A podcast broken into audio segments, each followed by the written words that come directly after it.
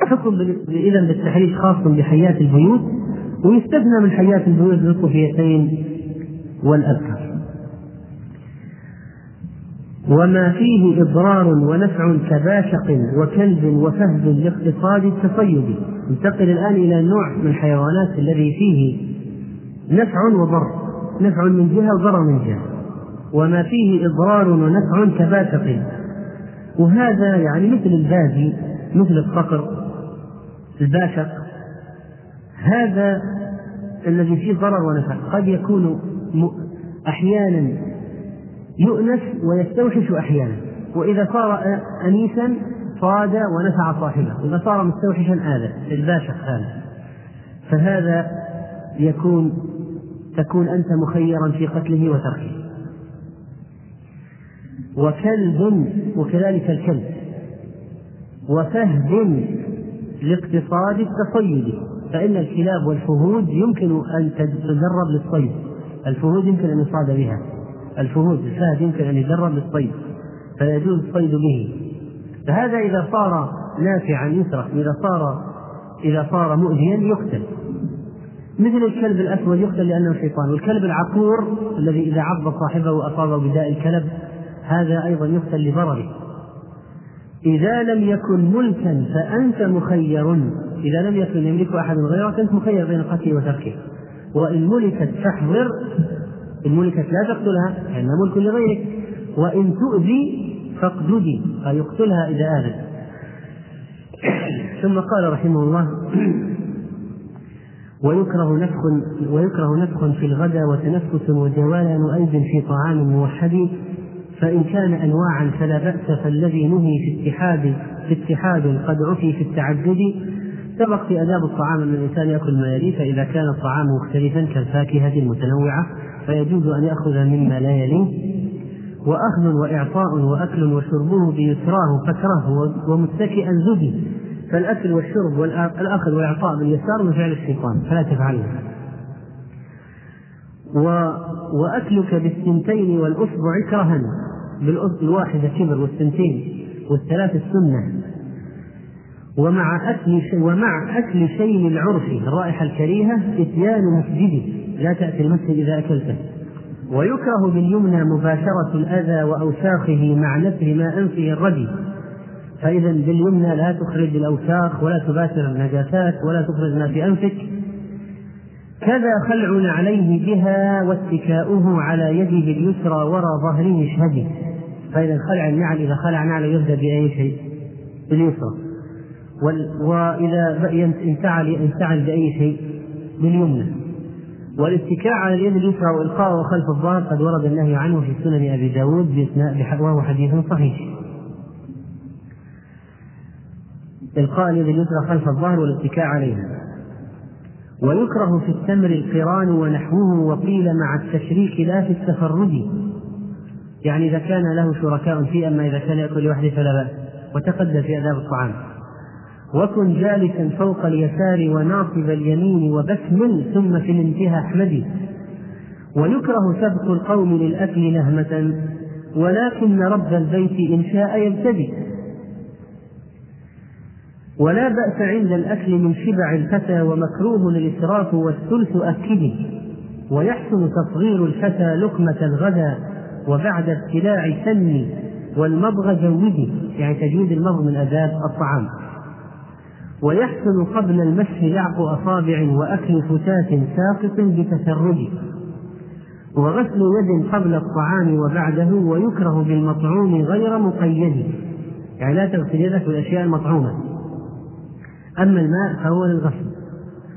وما وما عشته فاتركه غير معنف معنف ولا عائد رزقا وبالشارع اقتدي. نهي عن عيب الطعام. ولا تشربا من في السقاء وسلمة الإنى وانظرن فيه ومصا تجردي يعني لا تشرب من فم الإناء المكسور لأنه يجرح الفم. لا تشرب من فم الإناء المكسور. لا تشرب من فيه ولا من كلمته الشرب من فيه يسبب رائحة نتنة وإيذاء من بعدك واختلاط واختلاط الشراب بما يغير رائحته. وإذا شربت من فيه قد يكون في حشرة بداخل هذه الصربة ولذلك لا تشرب الفم مباشرة حتى لا تدخل في الجوف. فهذه من فوائد عدم الشرب من في الإناء. أن لا تمكنه فتؤذي من بعدك وأن لا وأن لا يكون فيه حشرة مثلا فتبتلعها معه. وأما السلم المكسورة فلا تشرب من السلم المكسورة فإن مجتمع أوساخ وقد يكون فيها جراثيم أيضا وكذلك ربما جرح فمه فالنهي عن الشرب من فم الإناء المكسور أيضا.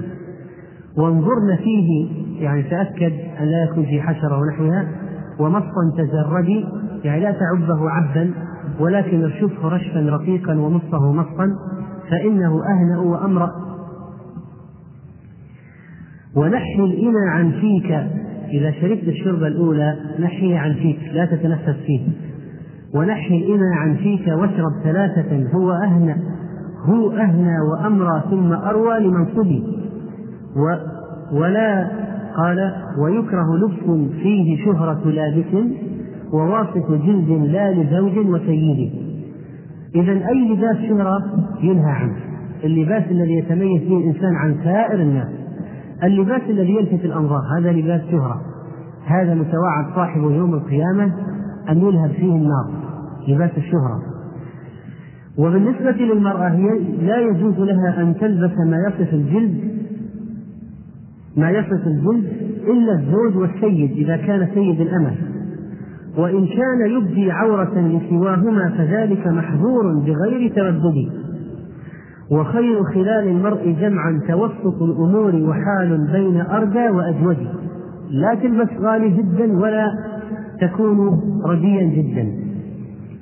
وأحسن ملبوس بياض لميت. لبس البياض سنة للحي والميت. وأحسن ملبوس بياض لميت وحي فبيض مطلقا لا تسوده فلبس البياض سنة. وأحمر قان والمعصفر فكرها للبس رجال حسب في نص أحمد. فإذا لبس الأحمر للرجال منهي عنه الأحمر القاني. أما إذا كان أحمر مخطط فلا بأس. لبس النبي عليه الصلاة والسلام لبس حبرة أو إزارا فيه أو ثوبا فيه خطوط مخطط أما الثوب الأحمر القاني لا يلبسه الرجل. يلبسه المرأة نعم. الرجل لا يلبس الأحمر القاني. لا بدلة رياضة ولا غيرها. أما إذا كان مخلوطا بغيره فهذه الأغطية للرأس مخلوطة بالبياض فلا تدخل في ذلك. والمعصفر من ثياب المشركين المصبوغ بالعصفر المعصفر هذا لا يلبس أيضا للرجال وهو من ثياب النساء. قال رحمه الله ويحرم ستر أو لباس الفتى الذي حوى صورة للحي في نص أحمد فالثوب الذي فيه صورة من ذوات الأرواح لا يجوز لبسه. لا للصغار ولا للكبار لا للنساء ولا للرجال. الثياب اللي فيها صور ذوات الأرواح لا يجوز لبسها. وأطول ذيل المرء للكعب والنساء بلا الأذن شبرا أو ذراعا لتزدهي. بالنسبة للرجل لا يلبس تحت الكعبين. بالنسبة للمرأة ترخي شبرا أو ذراعا لأجل عدم انكشاف الساقين عند هبوب الريح أو عند طلوعها ونزولها مثلا. فيرخص للمرأة أن ترخي ذيلها شبرا أو ذراعا من الخلف حتى إذا هبت الريح ما تكشف شيئا من عورتها.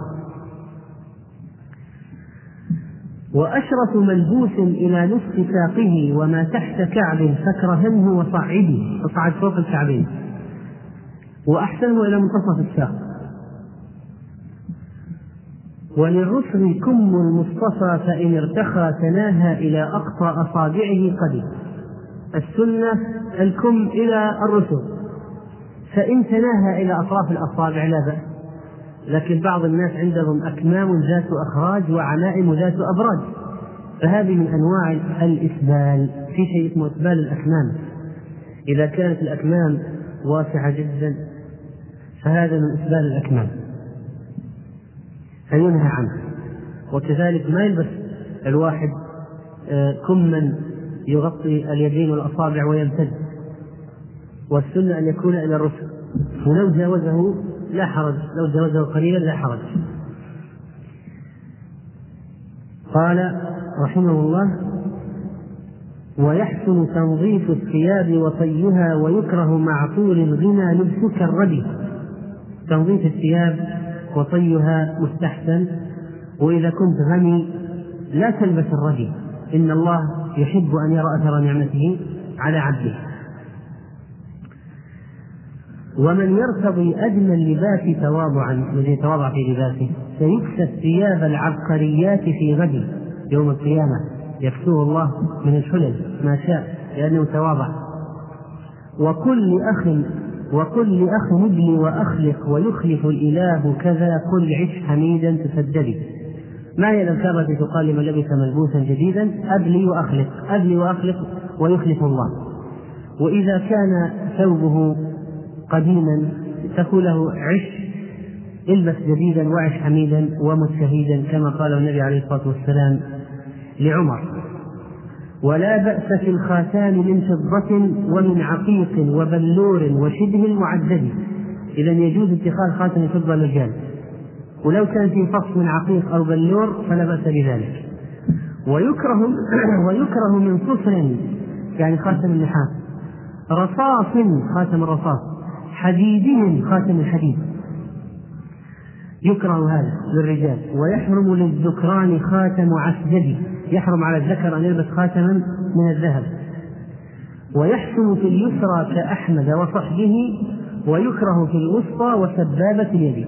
إذا لبست الخاتم باليمين أو لبسته بالشمال كلاهما وارد في السنة. وأين تضعه؟ في الخنصر أو البنصر. لا تضعه في الوسطى ولا السبابة. فقد ورد النهي عن ذلك كما جاء في صحيح مسلم في النهي عن لبس الخاتم في السبابة أو الوسطى والتي تليها فلا تلبس السبابة فلا تلبس الوسطى ولا السبابة. البس الخنصر أو البنصر ويحسن في اليمنى ابتداء انفعاله وفي الخلع عكس واكره العكس ترشدي فإذا عند الخلع تخلع تخلع اليسرى أولا ثم اليمنى. عند اللبس تلبس اليمنى أولا ثم اليسرى. ويكره مشي المرء في كرب نعله اختيارا أصخ حتى لإصلاح نفسه. فإذا يكره للإنسان أن يمشي في النعل الواحدة والسبب أنه قد جاء النبي صلى الله عليه وسلم أن مشية الشيطان فإن الشيطان يمشي في النعل الواحدة. ولو انقطعت إحدى الفردتين اقتلعها اقتلع السنتين حتى تصلح تمشي بهما جميعا أو تحصيهما جميعا. وسر حافيا أو حاذيا وامشي واركبا كمعدد واخشوشا ولا تتعودي.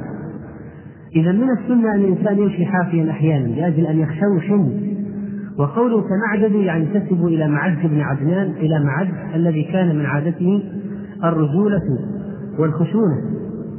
ويكره في المشي المطيطة ونحوها أي مشي فيها خيلاء تكره. مظنة كبر غير في حرب جحدي.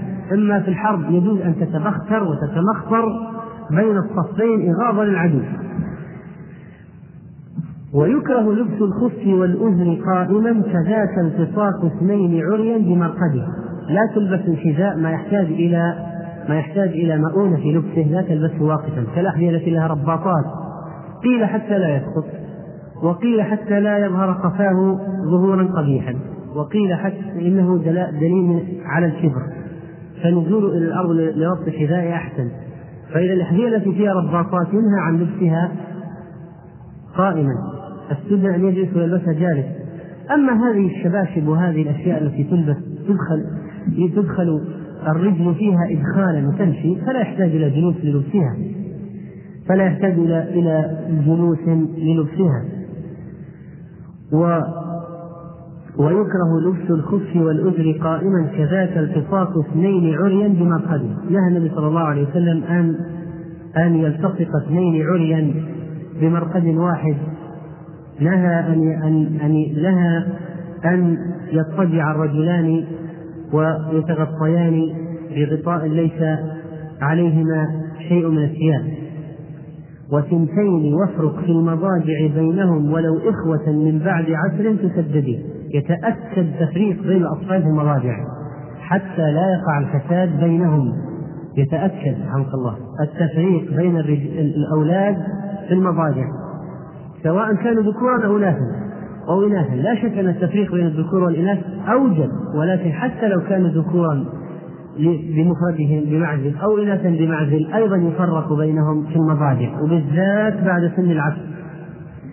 ويكره نوم المرء من قبل غسله من الدهن والألبان للفم واليد حتى لا ينام وفيه زفر. قال ويكره نوم فوق سطح ولم يحط عليه بتحذير لخوف من الرجل. الذي ينام الذي ينام على سطح ما له سور يمكن أن يكون عرضة للسقوط لا يفعل ذلك. لا يفعل ذلك حتى لا يسقط فمن فعل فقد برئ منه العهدة. ويكره بين الظل والشمس جلسة ونوم على وجه الفتى المتمدد. إذا الجلوس بين الظل والشمس مجلس الشيطان لا تجد فيه. والنوم على البطن منهي عنه لأنها ضجعة أهل النار. لا لا تضطجع. هذه الضجعة. ويحسن عند النوم نقض فراشه كما جاء في السنة.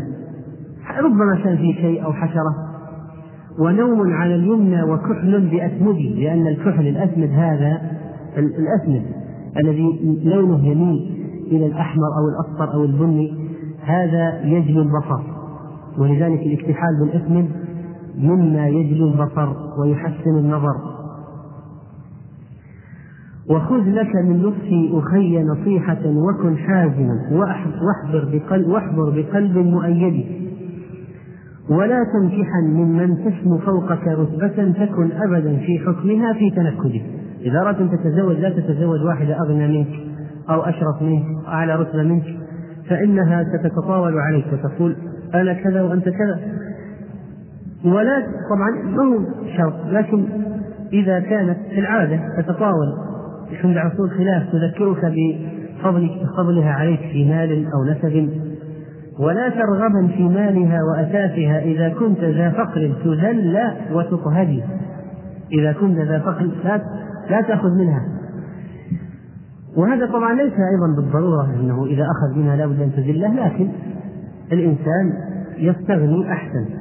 ولا تسكنا في دارها عند أهلها. تسمع إذن أن إذا أنواع من متعدد أحسن لك ما تسكن عند أهل المرأة اسكن لوحدك. حتى لا تسمع شيئا من الأذى. وأيضا هذا ليس بالضرورة. قد يكون أهلها فيهم خير وطيبة وأنت محتاج فلا بأس. وكن حافظا إن النساء ودائعا. عوان يعني أسيرات ضعيفات لدينا احفظ وصية مرشدي.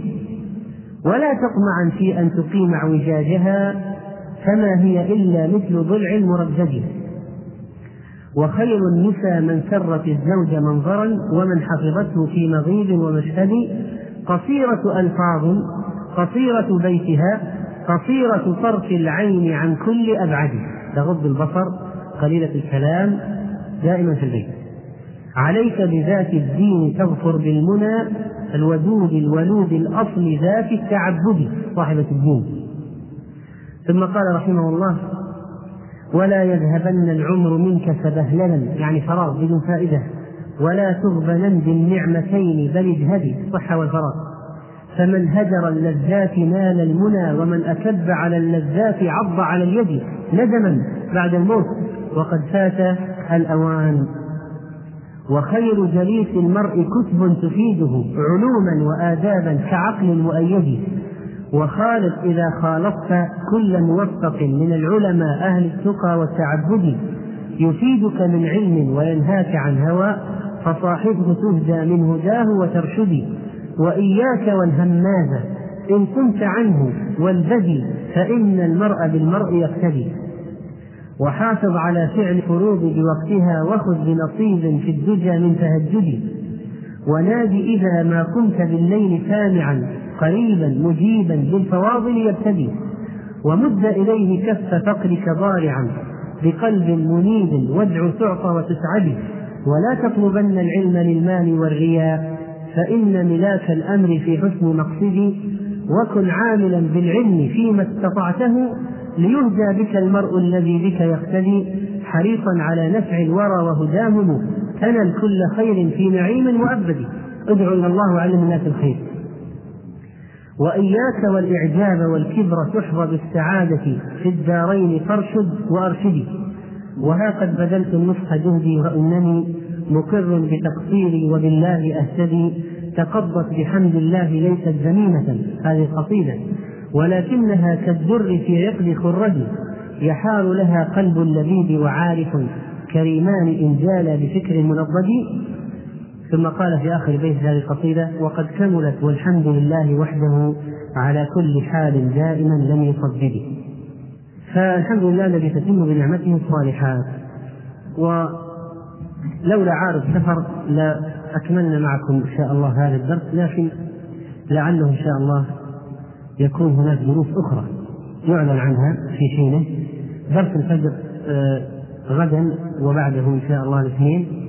ثم يتوقف إلى السبت الذي يلي الذي يليه يعني عشرة أيام. ثم نعاود درس الفجر إن شاء الله. يوم السبت ليس القادم الذي بعده. ونواصل درس الفجر الأحد والاثنين غدا وبعد غد إن شاء الله. وكان حضوركم إن شاء الله في هذا الدرس دافعا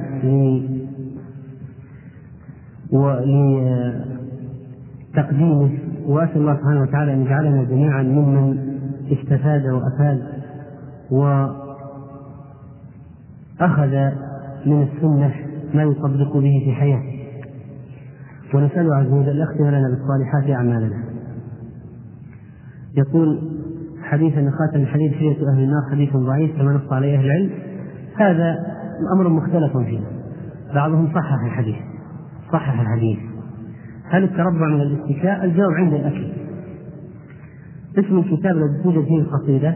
طبعا قلنا أن الكتاب القصيدة هذه آه، قصيدة الآداب لابن عبد القوي شرحها للسفارين في غذاء الألباب في مجلدين السفارين في غذاء الألباب شرحها في مجلدين فهي موجودة. أو هي موجودة في آخر المجلد الرابع من موارد الظمآن القصيدة الأبيات وراء بعض موارد الظمآن يمكنك الرجوع إليها متتابعة. وهنا طبعا تجدها مقطعة لأجل الشرح. فالإسمد طبعا بين اللون هذا الإسمد الذي يميل إلى الإحمرار هل يقع الطلاق إذا قال علي الطلاق أنت طالق؟ نعم. يعني إذا ما وقع هكذا يقع هكذا. يعني ما هذا ما ما ترك لنفسه مجالا. هل يجوز نصف النعال الحمراء؟ إذا قصد الطلاق طبعا إذا قصد الطلاق يقع الطلاق. طيب الإسبال يكون في الأكمام فهل يأخذ هذا الإسبال حكم إسبال الثياب في ميزان الكعبين؟ طبعا هو إسبال لكن أخف منه. يقول يقول الأعراب إذا صار الحرمة معون في البيت اكسره. لا هذا مو لهذه الدرجة يعني إنك ما تجعلها تتملك شيء. وإذا صار لها معون تكسره حتى لا يكون لها فضل عليك ولا بمعون لا ما قد تكون مرأة غنية وزوجها فقير. ما حكم التنفس بكأس خاص بالشرب؟ حتى حتى التنفس بكأس للشارب قد يضر نفسه. إذا كان هناك من يخاطب الدين ويذكرون له بعض الأخبار عندهم وغير ذلك هل يصدق هذه الأخبار؟ لا لأن لا ندري قد يكون كفر قد يكون يكذبون. إذا كان لون حياة البيوت أسود ولو كان أسود. هذا النص في الكلاب السود هل يجوز تملك القطط؟ نعم لكن شراؤها ورد النهي عنه وبيعها كذلك. يقول السؤال طيب هذا جزاه الله خير أحسن الظن ويدعو ما هو اسم الكتاب توجد فيه القصيدة؟ تقدم ذكر ذلك. هل تعديل اللحية حرام؟ نعم. لا يجوز الأخذ من اللحية لا من طولها ولا من عرضها. لكن بعض العلماء أجازوا أخذ ما طال عن القبضة كما كان ابن عمر يفعل في الحج والعمرة. في الحج والعمرة. لكن كثير منهم يرون عدم المسك بها مطلقا وعدم الأخذ منها أبدا. هل ينعقد مجلس البيع عن طريق الهاتف؟ نعم. إذا قال بعت قال اشتريت انفصلوا يعتبر بيعا يقول اتفقت مع أهل التجار على أن يقدم لي خدمة عن طريق الهاتف فأعطاني تسعيرة وأرسلت إليه عينة ليقوم بفحصها ومعاينتها ويعيد النظر في تسعيرته وفعل ذلك وقام بخفض السعر. وعندما عزمت ارسال باقي البضاعه اليه حسب الاتفاق أخبرني بتغيير السعر لعدم ملائمته له. ما دام ما تم البيع المسألة مسألة مراسلات بينك وبينه وعروض ما في عقد وقع ولا لفظة بعت واشتريت فإذا ما وقع البيع. ما حكم البسملة عند قتل أي حيوان؟ لا بأس.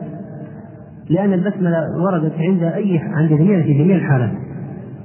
هل جميع الكلاب السود شياطين؟ نعم. الكلب الأسود شيطان. يحصل لمن يشتغل بالطب أنه كثيرا ما يدخل على المرضى في اليوم الواحد فينسى الدخول على المريض بنية عيادة المريض حتى يصبح روتين ولذلك يجب أن يذكر نفسه دائما باستمرار ويحتسب الأجر أن يعتبرها هي عيادة مريض يؤجر عليها. هل ثعبان كوبرا الذي سمه قاتل في رأسه خطان أسودان يتحول في الورقة عند الغضب الغضب؟ هو نفسه بالطفيتين الطفيتين هذا على ظهره الخطان ممتدان على ظهره ولا شك أن هذا الثعبان مما يقتل. استخدام جهاز كهربائي فيه ضوء يجلب الحشرات فيقتلها. ننظر في الحشرات المقتولة. فإن وجدناها محترقة عرفنا أن هذا يلحق بالنار فلا نستعملها وإن وجدناها كاملة لكن قتلت بالصعق وليس بالحرق فلا بأس بذلك. الجواب يعتمد على عمل هذا الجهاز. هل يحرق أو يصعق؟ إن كان يحرق ما ما نستعمله. وإن كان يصعق الحشرة كاملة لكن ماتت بالصعق والصدمة الكهربائية. إذا لا بأس باستخدامه. بعض الإخوان يرشفون الشاي أو القهوة يحدثون صوتا عاليا. هذا من قلة الأدب في الشرب. لا ليس معنى الرش أن الإنسان يحدث صوتا عاليا. الغراب والحدأ والفأر هل أقتلها حتى ولم تؤذيني؟ الجواب نعم. كيف أعرف الثلث المذكور في الحديث ثلث لطعام؟ هم يقولون أن معدة بني آدم ثمانية عشر شبرا فقال يأكل ستة أشبار. كلام مكتوب ستة أشبار. عاد كيف يأكل ستة أشبار؟ أنا ما لكن على أي حال الإنسان يعرف نفسه مثلا أنه يشبع مثلا لنفترض يعني يشبع بستين لقمة. يشبع بستين لقمة الشبع التام يأكل عشرين يصير هو ثلث يعني هذا يعرف كل واحد من نفسه. عندنا عادة في نوع من الأكل وهو عبارة عن خبز بر أسمر وأقداح من لبن نتداول القدح إذا كان واحدا فنأكل لقمة ثم نشرب عليها ملء الفم تقريبا من اللبن وتعطي الذي يليك ما في مانع. تداول الإناء ما في مانع. حديث البذاذة من الإيمان يعني التواضع في اللذات. ما حكم الاتكاء على اليدين الاثنتين جعل فيه تحريما. ولكن يحتاج إلى مراجعة الحديث لأن في عند أبي داود أيضا إلقاء اليدين خلف الظهر حتى نحتاج أن نراجع صحته ومعناه. إعادة الفقرات التي تلي أوصاف المرأة المسلمة يعني المشكلة في الوقت. لكن ارجع على القصيدة كي المواسم التوسيم جائز في غير الوجه. شق آذان الأغنام لتبين أنها قد طببت استخدم وسيلة أخرى للتعليم. بخاخ يا أخي. بخاخ رجل كافر مات على الكفر يدخل النار علما إن الله مقدر عليه كفر والموت قبل الولادة ما في شك عنده قدرة ولا لا؟ عنده إرادة سمع بالحق لماذا لم يتبعه؟ أليس قد اتبع هواه؟ هل يجوز اكل الحيوانات وارده الكتاب والسنة فقط؟ في أشياء واردة الكتاب والسنة ما يجوز اكلها كالحمار الاهلي والكلب لكن آه، كل ما هو مستقذر عند عرب الحجاز وقت نزول الشريعة لا يجوز أكله. وكل ما هو له ناب لا يجوز أكله. وكل ما له أيضا كل ما له مخنب لا يجوز أكله. والجلالة التي تأكل قاذورات ونجاسات لا يجوز أكلها. إذا ورد في الشريعة ضوابط للأشياء. مثل من الحيوانات مثلا التي لا تؤكل مثلا القرد الكلب الحمار الأهلي بخلاف حمار الوحش. القنفذ هذه أشياء الخنزير لا تؤكل. ومن الأشياء التي تؤكل قطعا بهيمة الأنعام والسمك والأرنب والدجاج وغيرها. ومن الأشياء التي اختلفوا فيها مثلا التمساح. قالوا إنه يعيش في حيوان مائي بعضهم قالوا هو ذو أنياب. فاختلفوا بالمناسبة التمساح هو الحيوان الوحيد الذي يفتح فمه إلى الأعلى وجميع الحيوانات تفتح فك الفم إلى الأسفل. وعندما يكون هناك إن شاء الله دروس أخرى تحدد سواء قبل الدراسة أو بعدها لعلكم ستعلمون بذلك ويعلن عنه في حين إن شاء الله تعالى.